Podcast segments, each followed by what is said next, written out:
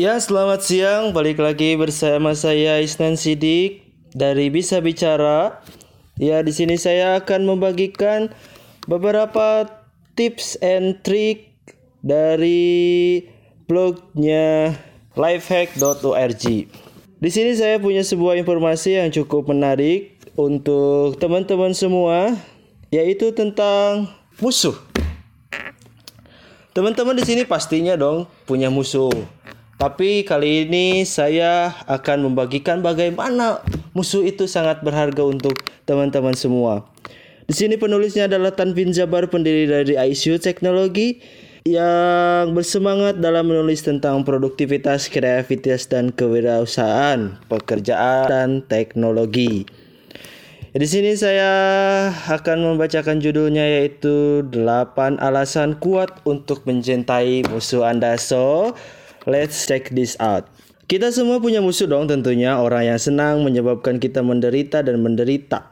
Terkadang perkembangan musuh adalah karena perbedaan tertentu dalam karakter dan Anda telah menyebabkan itu. Di sisi lain, beberapa orang akhirnya membenci Anda tanpa alasan sama sekali. Itu sangat-sangat menyebalkan untuk kita semua. Terlepas dari bagaimana Anda mendapatkan musuh ini yang bertentangan dengan paradigma memadamkan api dengan api, pertimbangan alasan berikut dan lihat mengapa Anda benar-benar harus menghargai musuh Anda. Artikel ini akan menunjukkan kepada Anda tidak hanya bagaimana Anda terganggu oleh musuh Anda, tetapi bagaimana sebenarnya menumbuhkan cinta untuk mereka.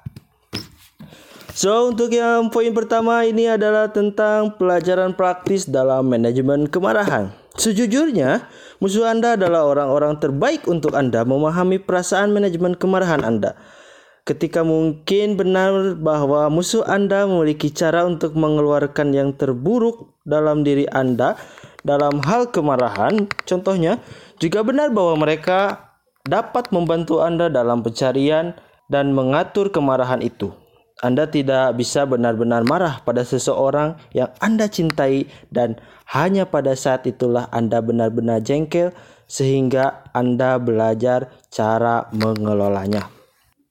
Musuh Anda seperti terapis yang Anda butuhkan, tetapi sebenarnya tidak karena Anda mungkin ingin membenci mereka. Mereka membenci Anda kesempatan untuk mengendalikan dorongan amarah yang Anda miliki.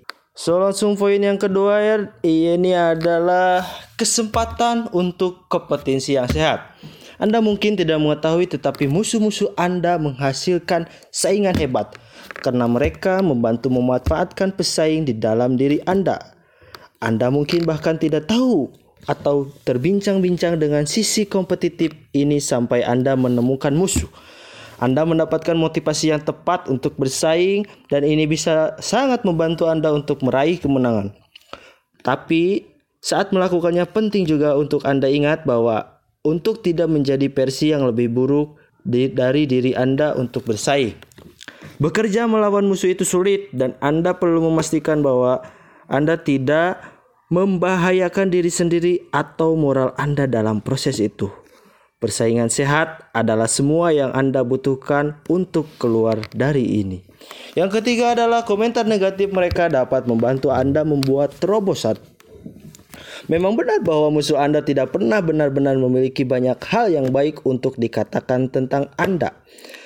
Namun sebanyak mungkin mereka berbicara tentang tempat kebencian, mungkin ada kebencian atas apa yang mereka katakan. Intinya, setiap kali Anda mendengar sesuatu yang jahat atau jahat dari musuh Anda, anda mungkin ingin mengambil langkah mundur dan mengevaluasi diri sendiri ada kemungkinan bahwa apa yang dikatakan musuh ini benar dan datang untuk menghadapi kenyataan bahwa itu adalah langkah besar dalam membantu Anda untuk menjadi orang yang lebih baik secara keseluruhan. Ini adalah bukti lain bahwa musuh dapat menjadi terapis dengan caranya sendiri.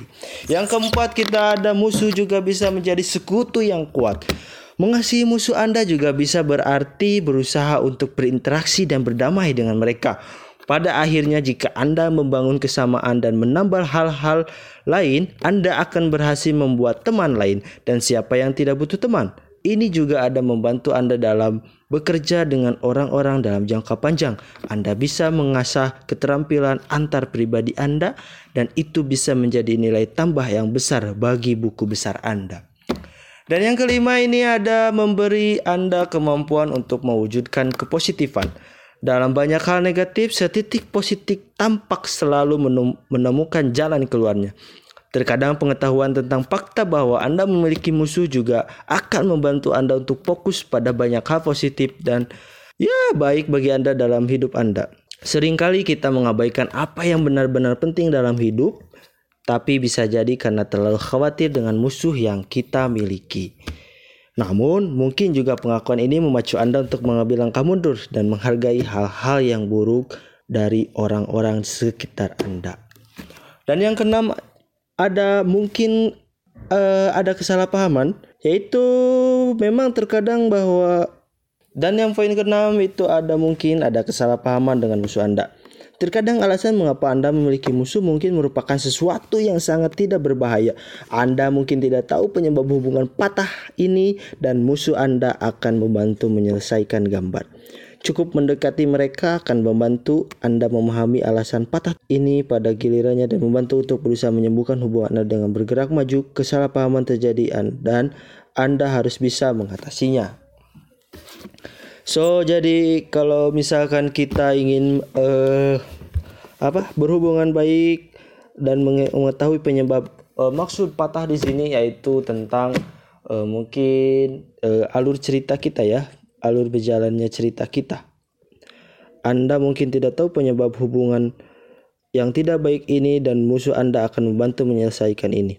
Cukup mendekati mereka dan membantu Anda memahami alasan tidak baik ini dan gilirannya ada adalah Anda dapat membantu untuk berusaha menyembuhkan hubungan tidak baik ini. Kesalahpahaman memang sering terjadi, tapi Anda harus bisa mengatasinya. So yang ketujuh ada Anda juga belajar untuk menghargai cinta. Ini adalah poin yang sangat uh, krusial di mana memang mengingat cinta itu selalu kita butuhkan dalam sehari, dalam kehidupan kita betul mengingat terus-terus akan kenyataan bahwa Anda musuh, ada musuh juga akan membantu Anda untuk menganggap remeh orang-orang yang mencintai Anda.